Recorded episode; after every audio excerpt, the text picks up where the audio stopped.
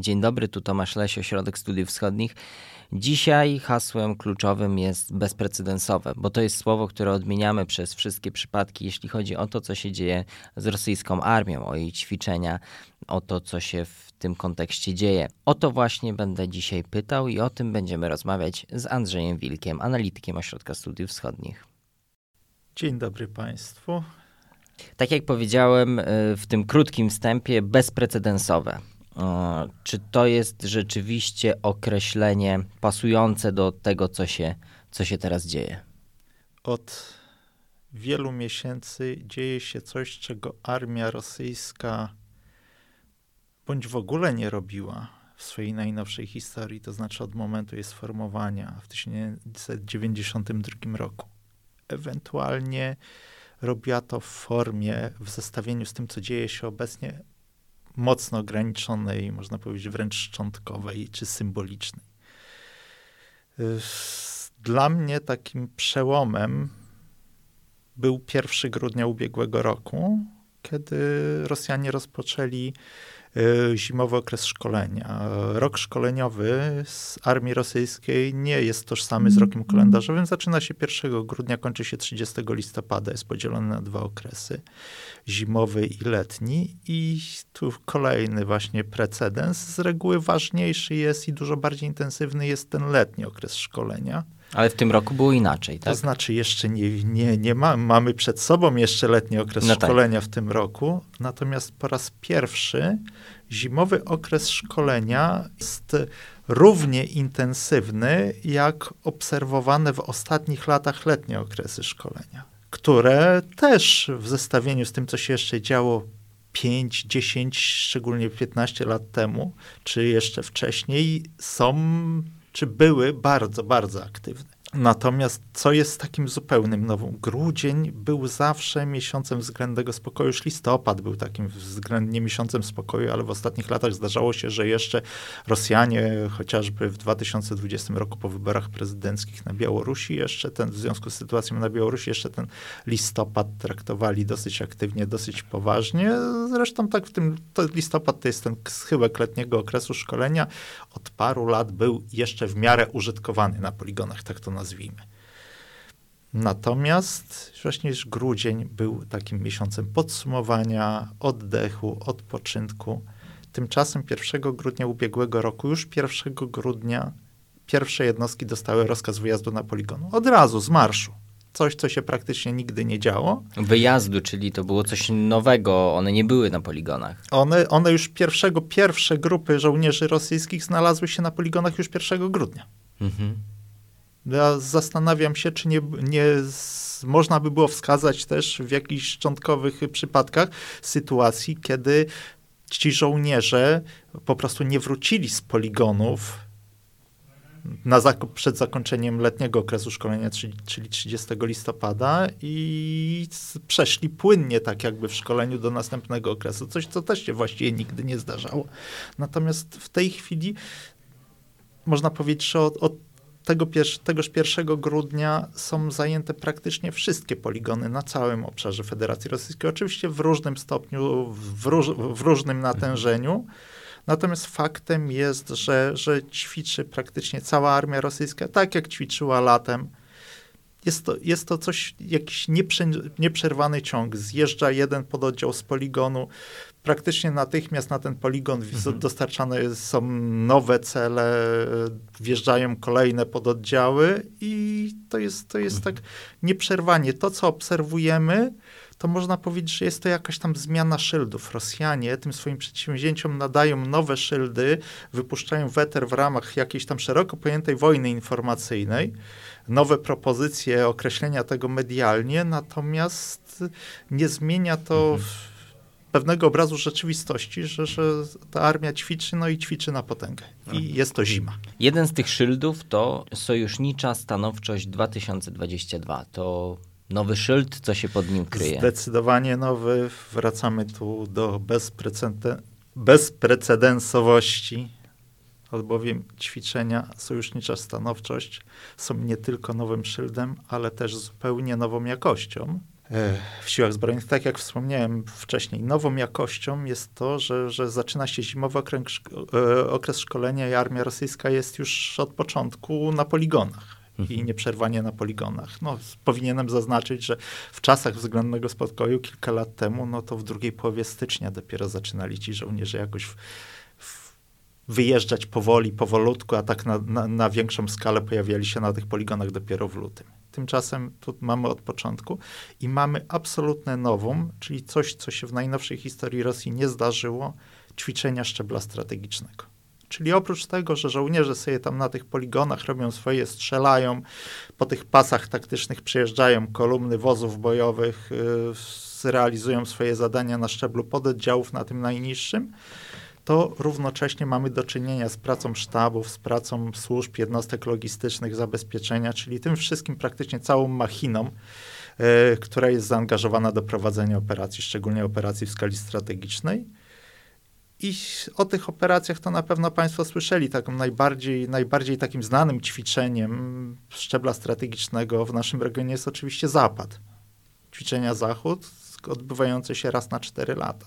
I do tego właśnie tu jako pierwszy precedens bym, bym przeszedł. No, po pierwsze, ćwiczenia strategiczne organizowane były do tej pory wyłącznie latem. Mhm jako podsumowanie całego roku szkoleniowego na przełomie lata i jesieni, już praktycznie głównie faza aktywna odbywała się we wrześniu. Natomiast tu nie mamy jeszcze końca nawet zimowego okresu szkolenia. Jest, jest można by rzec, jest luty, to jest takie centrum tego okresu szkolenia taki pik i, i w lutym właściwie już w tej chwili jest to rozpoczęte w fazie logistycznej i przygotowawczej. Faza tak zwana aktywna ma mieć miejsce 10-20 lutego. Natomiast ma, mamy pod tym względem w ogóle bezprecedensowe szkolenie. Pod jakim względem jeszcze bezprecedensowe? W wschodni okręg wojskowy? Tak, dokładnie. Jest, mamy do czynienia z tym, że do Europy przyjeżdżają żołnierze z Dalekiego Wschodu. Po raz pierwszy od II wojny światowej. Po raz pierwszy od grudnia 1941 roku, czy przepraszam, listopada 1941 roku, kiedy to przyjechały pułki tak zwane syberyjskie bronić Moskwy. Dlaczego? Możemy tutaj wziąć wiele rzeczy pod uwagę. No przede wszystkim chyba musimy przejść do elementu politycznego. Demonstracji siły. Rosjanie prowadzą tą akcję demonstracji siły musimy to powiązać z kontekstem konfliktu i zagrożenia rosyjską operacją militarną, e, uderzeniem na Ukrainę. I Rosjanie powoli stopniowali w ostatnich miesiącach. Wydawało się, że zrobili już dużo, że ta presja była silna, a okazało się, że mogą zrobić dużo więcej. Więc zrobili, zademonstrowali coś, czego dotychczas nie robili. Czyli po pierwsze ćwiczenia strategiczne w zimie, jak już stwierdziliśmy. Druga rzecz, właśnie ściągnięcie na te ćwiczenia sił, które a nie, w najnowszej historii Rosji nigdy nie ćwiczyły w Europie.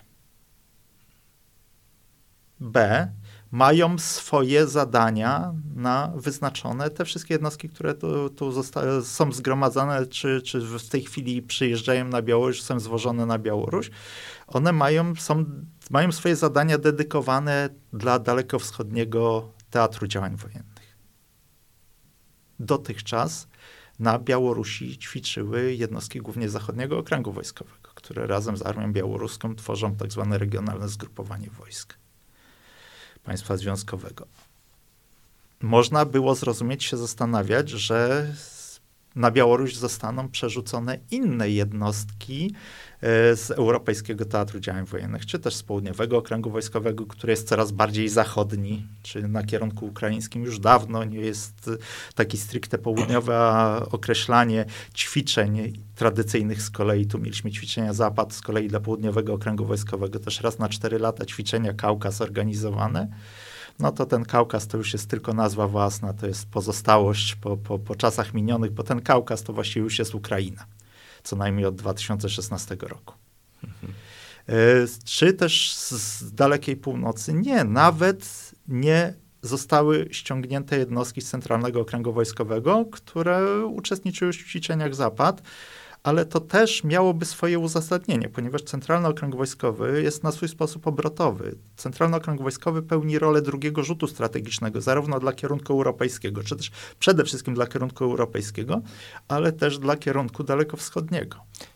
Jak rozumiem, to jest też demonstracja siły z jednej strony, ale też demonstracja zaufania wobec Chin. To jest demonstracja zaufania wobec Chin.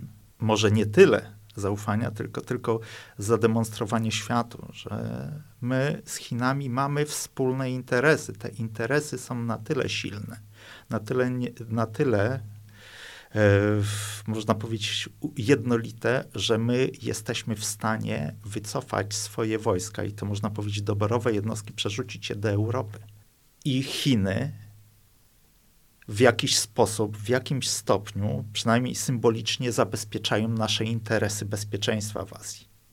To jest e, pewna rewolucja w myśleniu, tym bardziej, że no jest, jest to już potraktowanie ale, albo w, w zademonstrowanie, że my się czujemy w pełni bezpiecznie, ale też y, po tym, co robili Rosjanie wspólnie z Chińczykami w sferze wojskowej w ostatnich latach, jest to zademonstrowanie, że faktycznie w naszym potencjalnym starciu z Zachodem, z szeroko pojętym Zachodem, czyli też sojusznikami Stanów Zjednoczonych w regionie Azji i Pacyfiku, to Rosja z Chinami stanowią no, jedną całość, że to jest, no można powiedzieć, że nie jest to, nie jest to coś, co można określić jako sojusz, jakiś faktyczny sojusz militarny. Na pewno nie jest to sformalizowany sojusz militarny, ale jest to demonstracja tego, że ten sojusz, jeżeli przyjdzie potrzeba starcia akurat z Zachodem, to to on faktycznie istnieje. Ja bym się jeszcze odniósł do tych, tych innych elementów, szczególnie tutaj wojskowego, ponieważ większość z Państwa pewnie zwróciła uwagę na to, że przerzucają Rosjanie wojska na bardzo duże odległości stosunkowo szybko. To, jest, to się dzieje co prawda w większości kolejami, ale to jest, to jest 9 tysięcy kilometrów, 9,5 tysiąca kilometrów pomiędzy obwodem amurskim, krajem nadmorskim, a Białorusią. Gigantyczna operacja. To jest, to jest gigantyczna operacja logistyczna. Natomiast y, ja bym zwrócił uwagę na to, że to paradoksalnie nie jest najważniejsze, ponieważ Rosjanie te swoje zdolności w zakresie przerzutu pomiędzy teatrami działań wojennych wojsk to oni ćwiczą, co prawda podkreślam, nie przerzucali nigdy do Europy jednostek z Dalekiego Wschodu. Odwrotnie tak, już się zdarzały. Wojska powietrzno-desantowe z Europy ćwiczyły już na Dalekim Wschodzie. Natomiast w drugą stronę nigdy. To jest przedsięwzięcie z jednej strony logistyczne, z drugiej demonstracja tego, jak wszechstronnie przygotowane i wyszkolone są te wojska. Bo mamy do czynienia z sytuacją, że praktycznie w wielu przypadkach to, to jest nie tylko wojsko szkolone do, do operowania w jakichś tam specyficznych warunkach fizyczno-geograficznych, ale jest też dedykowane uzbrojenie dla danego, na przykład dla dalekiej północy zupełnie inaczej to, to wszystko funkcjonuje w, w, dla dalekiego wschodu również. To są, są pewne specyfiki. Są pewne specyfiki odnośnie szkolenia, odnośnie wyposażenia jednostek, natomiast y, globalnie okazuje się, że jest możliwość przerzucenia, wykorzystania i operowania tym potencjałem, że jest jednak duża wszechstronność, stosunkowo duża wszechstronność umożliwiająca Rosjanom właśnie wykorzystanie brygad, która, które faktycznie by, by tam w terenie jakiejś tajgi oddziaływały, że one równie dobrze mogą sobie poradzić na Europejskim Teatrze Działań Wojennych. Ale nie tylko wschodni okręg wojskowy, zachodni i całe ćwiczenia sojusznicza Stanowczość 2022, nie tylko to się teraz dzieje, ćwiczy też marynarka. To jest kolejny element i tu tak może nie wspomniałem, jeszcze wrócę do tych ćwiczeń sojusznicza stanowczość, że ich głównym adresatem tak powoli przestaje być Ukraina, że raczej jest to bardziej już element presji na wspólnotę zachodnią. Mhm. Oczywiście też można powiedzieć wprost, że okej, okay, potencjalnie Rosjanie przygotowują sobie e, możliwość otworzenia dodatkowego kierunku operacyjnego w, w uderzeniu na Ukrainę, o ile by do takiego doszło, właśnie od strony Białorusi, od strony stricte zachodniej. Może do tego jeszcze przejdziemy, natomiast e, adresatem tego jest już wspólnota zachodnia. To wszystko się dzieje na wschodniej flance NATO. Bezpośrednio ćwiczenia, oby to były tylko ćwiczenia, będą miały swoją fazę aktywną, tą, tą najpoważniejszą w obwodzie brzeskim, w obwodzie grodzieńskim. To jest nasza wschodnia granica. Tu oczywiście można zacząć dywagować, a jakie to będzie miało jeszcze, jakie znaczenie, co to może spowodować w tym, co się ostatnio dzieje od kilku miesięcy na granicy polsko-białoruskiej. To jest jeszcze kolejny element, natomiast od tego bym przeszedł do tych ćwiczeń, właśnie, które zostały, też zostały formalnie ogłoszone dwa dni później. Wielkie ćwiczenia, czy też formalnie seria ćwiczeń marynarki wojennej Federacji Rosyjskiej. W wymiarze, można powiedzieć, też poligonowym, w, w, też są to ćwiczenia, to jest to zestaw, tak, zestaw ćwiczeń, ale zestaw ćwiczeń, które też mają wspólny zamysł. To jest y, demonstracja obecności Rosji na tak zwanym Oceanie Światowym. Oni bardzo lubią to pojęcie. Praktycznie będą okręty rosyjskie, jednostki pomocnicze operowały na wszystkich akwenach na północnej stronie globu. Mhm. Na północ od równika. No nie da się Atlantyk, że... Północny Pacyfik. I to, to może być zestaw ćwiczeń, tylko że jeszcze ma, czy, czy seria ćwiczeń, natomiast jeszcze ma pewien element. Tą serią ćwiczeń, ta seria ćwiczeń ma jedno dowództwo ma, odbywają się pod komendą głównodowodzącego marynarki wojennej Czyli Federacji Rosyjskiej. Możemy powiedzieć, że to wszystko jest jedną wielką operacją. Jest to, jest to, jest to przedsięwzięcie kompleksowe. Jeżeli weźmie się pod uwagę, że uczestniczy w tym, że wskazano, że weźmie w tym udział 140 jednostek pływających, okrętów i tam, tam yy, z jakichś, jakichś pomocniczych jednostek zabezpieczenia, yy, kilkadziesiąt samolotów, ponad tysiąc różnego rodzaju po, ciężkich pojazdów bojowych i specjalistycznego ciężkiego uzbrojenia. No to jest to gigantyczne przedsięwzięcie Też możemy... dla marynarki wojennej Federacji Rosyjskiej i tego przedsięwzięcia to już musimy wziąć pod uwagę, że głównym adresatem są Stany Zjednoczone. Czyli tutaj też możemy przybić stempel bezprecedensowy? Zdecydowanie tak. Zdecydowanie tak, e, tym bardziej, że Rosjanie przeprowadzali w ostatnich latach ćwiczenia połączone zespołów e, e, flot, zgrupowań operacyjnych. W trakcie takich ćwiczeń razem, razem ćwiczy flota bałtycka i flota północna. Nawet były delegacje flot z Europy, które ćwiczyły na Dalekim Wschodzie i vice versa, natomiast nigdy nie było dotychczas sytuacji, że podnoszona jest tak jakby gotowość i wychodzą okręty wszystkich flot naraz, przynajmniej skupione pod wspólnym dowództwem.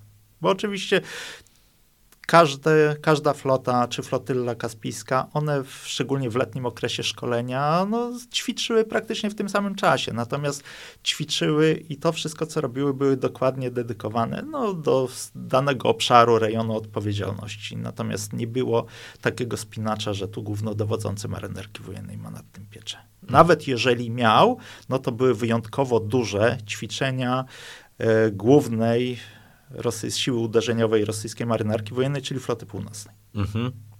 Mm, chciałem e, pociągnąć ten wątek, który wspominałeś i do którego e, teraz myślę, że warto przejść. To znaczy, mówimy o ćwiczeniach. A na ile te ćwiczenia mogą pomóc i na ile są ważne w kontekście prawdopodobnego, potencjalnego rosyjskiego uderzenia na Ukrainę? Czy też ten kontekst tu jest ważny?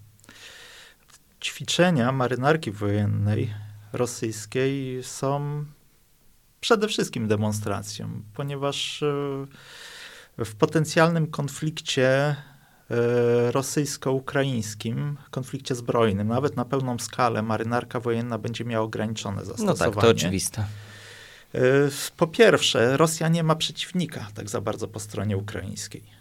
No, przede wszystkim. Po drugie, też jest to przede wszystkim lądowy teatr działań, czy też powietrzno-lądowy a marynarka wojenna w tym konflikcie będzie pełniła rolę wybitnie pomocniczą. Można powiedzieć, że flota czarnomorska dysponuje obecnie wystarczającym potencjałem, żeby po pierwsze zneutralizować flotę ukraińską, która jest i tak mocno osłabiona po wydarzeniach roku 2014, czy nawet po symbolicznych y, perturbacjach, incydentach w cieśninie kerczańskiej w 2018 roku.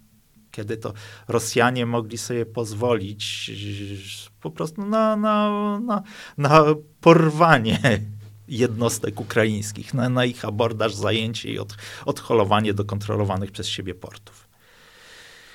Marynarka wojenna Ukrainy nie jest się w stanie przeciwstawić, natomiast y, można powiedzieć, że y, w charakterze operacyjnym czy w dużej mierze też ćwiczeniowym, szkoleniowym, ale jednak e, przydatnym w takiej operacji, to może być jakaś połączona operacja desantowa. Jeżeli ta operacja desantowa ma mieć faktycznie e, jakieś, jakieś znaczenie, ma przynieść, przynieść jakiś efekt, e, to tu to zgrupowanie okrętów desantowych floty czarnomorskiej, samej floty czarnomorskiej może się okazać za małe i stąd szczególnie obserwujemy ruchy okrętów desantowych, które wyszły ostatnio z Bałtyku. I to są okręty desantowe floty bałtyckiej i są okręty desantowe floty północnej, które jak już nie mamy nadal oficjalnego potwierdzenia, ale wszystko wskazuje na to, że one idą na Morze Śródziemne. Jest wskazany jeden z teatrów działań dla, tych, dla tej serii ćwiczeń, właśnie o której wspominałem. To jest Morze Śródziemne, to nie tylko jest, są, są Ocean Arktyczny, Ocean Atlantycki i Ocean Spokojny. A z tym Morzem Śródziemnym to jest jeszcze kwestia przejścia oczywiście tych okrętów tego zespołu, ale nie ma, przynajmniej dopóki nie ma jakiegoś konfliktu, nie ma podstaw, żeby je zatrzymać, żeby ich nie przepuścić przez ciśniny tureckie, mhm. przez, przez e, Dardanelle i Bosfor na Morze Czarne. W momencie, kiedy ten zespół okrętów desantowych floty czarnomorskiej zostałby wzmocniony przez zespoły z floty bałtyckiej z floty północnej, powstaje naprawdę bardzo duże zgrupowanie, które no, spokojnie jest w stanie przeprowadzić operację pomocniczą celem może nie zadania jakiegoś decydującego uderzenia, bo, bo na pewno by, byłoby to działanie w dużej mierze takie, takie pomocnicze i dodatkowe, ale na pewno szybszego zajęcia Odessy i rejonu Odessy. Mhm. A jeśli chodzi o ten komponent y, lądowy, że tak powiem, to, że teraz, y, jak rozumiem, wschodni okręg wojskowy także jest y, w Europie. Czy to także ma jakieś znaczenie, czy już te siły, które Rosja ma zgromadzone w zachodnim i południowym okręgu wojskowym są absolutnie wystarczające do, do militarnego, do militarnej operacji na Ukrainie zwiększonej? To, że zostali ściągnięci do Europy, czy też cały czas są właściwie przerzucani, ponieważ operacja redyslokacji z Dalekiego Wschodu na Białoruś ma potrwać do 9 lutego. To w warunkach operacji przeciwko Ukrainie militarnej daje, tak powiedzmy, no, większą swobodę dowódcy operacji, czy dowództwu rosyjskiej operacji przeciwko Ukrainie, na pewno po prostu dowódca operacji będzie miał do wyboru większą pulę jednostek, które może wykorzystać. I na pewno oprócz tego, że ma większą pulę jednostek do wykorzystania od razu w momencie rozpoczęcia operacji, ponieważ te jednostki są już na teatrze działań praktycznie, działań wojennych, nie trzeba, nie trzeba ich ściągać z zewnątrz, y, no to większego znaczenia nie ma można powiedzieć, że no, od dłuższego czasu, po zmianach, które postępują, szczególnie rozbudowie zgrupowania ofensywnego armii rosyjskiej w zachodnim okręgu wojskowym, w południowym okręgu wojskowym, tworzeniu nowych dywizji, nowych dowództw armii, to ten zachodni, południowy okręg wojskowy, szczególnie siły, które można bezpośrednio wykorzystać na kierunku ukraińskim 20 Armię Ogólnowojskową Zachodniego Okręgu Wojskowego czy 8 Armię Ogólnowojskową z Południowego Okręgu Wojskowego w pierwszym rzucie, to są siły dostateczne. Armia ukraińska jest liczna, natomiast armia ukraińska ma jeden poważny mankament. W przypadku operacji na pełną skalę, operacji połączonej właśnie powietrzno-lądowo-morskiej, armia ukraińska ma bardzo ograniczone możliwości obrony powietrznej.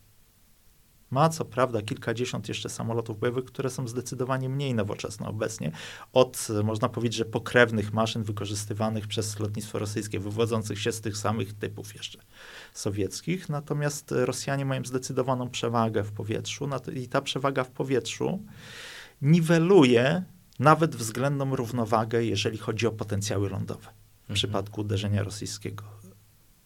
Ukraińcy też praktycznie nie są w, sta- nie są w stanie przeciwdziałać właśnie samodzielnie zdobyciu przez Rosjan czy osiągnięciu właściwie dominacji w powietrzu nad teatrem działań. i nie są też w stanie przeciwdziałać atakowi rakietowemu, uderzeniu rakietowemu. Ich uderzenie odwetowe, czy możliwość uderzenia jakiegoś odwetowego, nawet na taką odległość, jaką dają rakiety Toczka, czyli do 120 km, jest, no, no, będzie bardzo znikome, czy można powiedzieć, no, czy żadne w momencie, kiedy to Ros Rosja będzie stroną uderzającą. I w tym momencie naprawdę te siły, można powiedzieć, niestety, nie, czy niestety, trzeba przyznać, że te siły rosyjskie zgrupowane w zachodnim okręgu wojskowym i w południowym okręgu wojskowym są w zdecydowanej mierze wystarczające do zapewnienia mhm. Rosji realizacji celów operacji. Nawet jeżeli nie całkowitego zniszczenia armii ukraińskiej, to przynajmniej yy, unieszkodliwienia jej potencjału do tego stopnia, że armia ukraińska utraci zdolności jakiekolwiek ofensywne czy przeciwdziałania pozostałe, na, można powiedzieć, na polu walki rozproszone jednostki na teatrze działań, to będą głównie zdolne do prowadzenia jeszcze obrony same siebie, czy też bezpośrednio tego obszaru, w którym się znajdą, do którego zostaną w jakiś sposób też zepchnięte, zepchnięte przez uderzenie rosyjskie. Mhm. I w tym przypadku, wracając właśnie do tego, do tego wschodniego okręgu wojskowego, do tych jednostek armii rosyjskiej z Dalekiego Wschodu na Białorusi. Białoruś nie o tyle jest istotna, że tam znalazły się jednostki ze wschodniego okręgu wojskowego. Tam równie dobrze mogłyby się znaleźć jednostki z centralnego okręgu wojskowego, zachodniego, skądkolwiek. Białoruś nie jest istotna jako miejsce, gdzie trafiły jednostki z innych regi z regionu Rosji, skąd dotychczas nie trafiały, tylko ze względu na terytorium, na położenie. Nie jest konieczna też, żeby dla Rosji, żeby wyprowadzić operację i przeprowadzić skuteczną operację przeciwko Ukrainie, nawet na pełną skalę. Natomiast możliwość wyprowadzenia z kierunku Brześcia, można powiedzieć wprost, wzdłuż południowej granicy, południowo-wschodniej granicy Polski, dalej Słowacji, Węgier, Rumunii możliwość wyprowadzenia tam uderzenia zdecydowanie ułatwia czy upraszcza Rosjanom jakiekolwiek działania i można powiedzieć, że przyspiesza ewentualne, no, no można powiedzieć, czy ewentualny sukces operacji, czy, czy, czy wręcz no, kapitulację armii ukraińskiej, po prostu odcinając Ukrainę od potencjalnego wsparcia ze strony NATO drogą lądową. Mhm. Ale jednak te, te ćwiczenia powinniśmy przede wszystkim odczytywać, z tego co mówisz, jako pokaz. Tak, pokaz siły. To, to jest zdecydowana demonstracja. Wracam do tego. Gdyby na Białoruś zostały przerzucone w tej chwili, o czym zresztą myśleliśmy już kilka miesięcy temu, że tak się może zdarzyć, że może być właśnie próba zademonstrowania, że jesteśmy w stanie otworzyć ten pomocniczy kierunek uderzenia. My, Rosjanie, tak to powiedzmy. I zademonstrowanie nawet nie Ukrainie, a Zachodowi. Zachodowi, całemu. że ta Białoruś to już jest całkowicie w naszych rękach i, i my jesteśmy w stanie to zrobić. Nie trzeba było ściągać jednostek z Dalekiego Wschodu. Ściągnięcie jednostek z Dalekiego Wschodu to jest w zdecydowanej mierze demonstracja. Demonstracja możliwości wojskowych. Demonstracja woli politycznej. I tak wracam do tego, co może my, my na to tak nie patrzymy, ale, ale też jeszcze jestem ciekaw, jak to w zaciszu gabinetów w tej chwili omawiają tą sytuację Japończycy, Korea Południowa, Tajwan. Ci wszyscy, którzy patrzą, no jeżeli, można na, na to spojrzeć w ten sposób, jeżeli Rosja i Chiny są w takim stopniu można powiedzieć, w tej chwili zjednoczone w skali globalnej, że Rosja sobie może pozwolić na wycofanie wojsk, no to w takim razie z drugiej strony można też się obawiać, że. W drugą stronę. W drugą stronę pe pewnej rzeczy, że Chiny będą sobie mogły pozwolić na zaangażowanie dużo większych sił na swoim teatrze działań. Mhm. Mało to optymistyczne wnioski. E, my oczywiście sprawę potencjalnej rosyjskiej agresji na Ukrainę i tego wszystkiego, co się dzieje na, na linii Rosja-Zachód, będziemy śledzić także z innych punktów widzenia i śledzimy cały czas innych niż niż militarne. E, zapraszam na stronę osw.waw.pl. Tam jest analiza e, Andrzeja Wilka, rosyjska demonstracja siły na, Białoruski, na Białorusi i Oceanie Światowym. Link do niej zostawiamy także w opisie. Tam to wszystko, o czym tutaj rozmawialiśmy, jest dostępne do przeczytania i do zapoznania się. Dziękuję. Dziękuję uprzejmie. Do usłyszenia w kolejnych odcinkach. Państwu.